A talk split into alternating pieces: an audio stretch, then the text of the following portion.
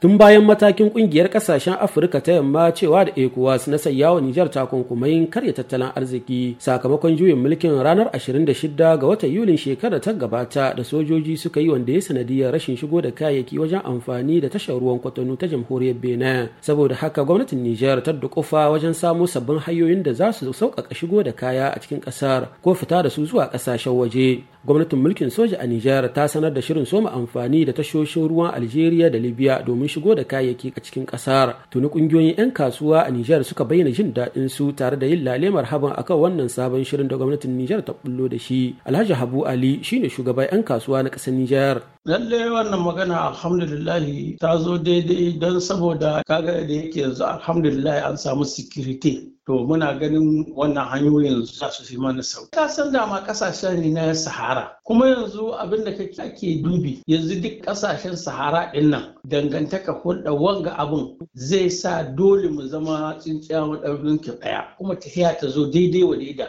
ba tare da an samu wata tangarɗa ba. Mu dai a ganin mu sai mu ce alhamdulillah kwalliya tana biyan kuɗinta game da tahiyar da ake ciki yanzu. To kenan kaga umma biyu ta umma ɗaya. Kuma abin za mu samu yanzu kenan wajen power nawa? Ga ta togo ga ta waɗanga power guda uku. Kaga power huɗu kenan. Sai dai yayin da ƙungiyoyin 'yan kasuwa ke murna da wannan shirin su kuma masana tattalin arziki irin su aminu ibrahim na ganin akwai buƙatar gwamnatin nijar ta yi taka tsantsan akan wannan lamarin. Komawa por da nijar ta ɗauki mataki na komawa wanga por na alger da libi to lalle e, abu ne mai kyau a rarraba por porkin a ce kowane por ma ana aiki da shi. Amma gaskiya wanga porkin alger da libi sai an ɗauki mataki wanda yake kwakwara kaga na ɗaya akwai hamada da muke da ita tsakanin alger da nijar kuma akwai 'yan ta'adda da ake ta fama da su. Dole kenan sai an ɗauki mataki kwakwara wanda yake za a tabbatar da alaƙar ta miƙe. Saboda wa'anga 'yan ta'addan da sauransu da duka matsalolin da za a fuskanta dole sai an ɗauki musu mataki. Sai gwamnati ta yi tsaka tsantsan sosai ba na wasa ba. Gwamnatin ƙasar nijar dai ta tura wata tawaga ƙarƙashin jagorancin ministan harkokin wajen ƙasar zuwa ƙasar libya inda suka tattauna da takwarorinsu na ƙasar da nufin inganta alakar da ke tsakanin ƙasashen biyu da ke makwataka da juna. Hamid mahmud murya amurka daga agadas jamhuriyar nijar.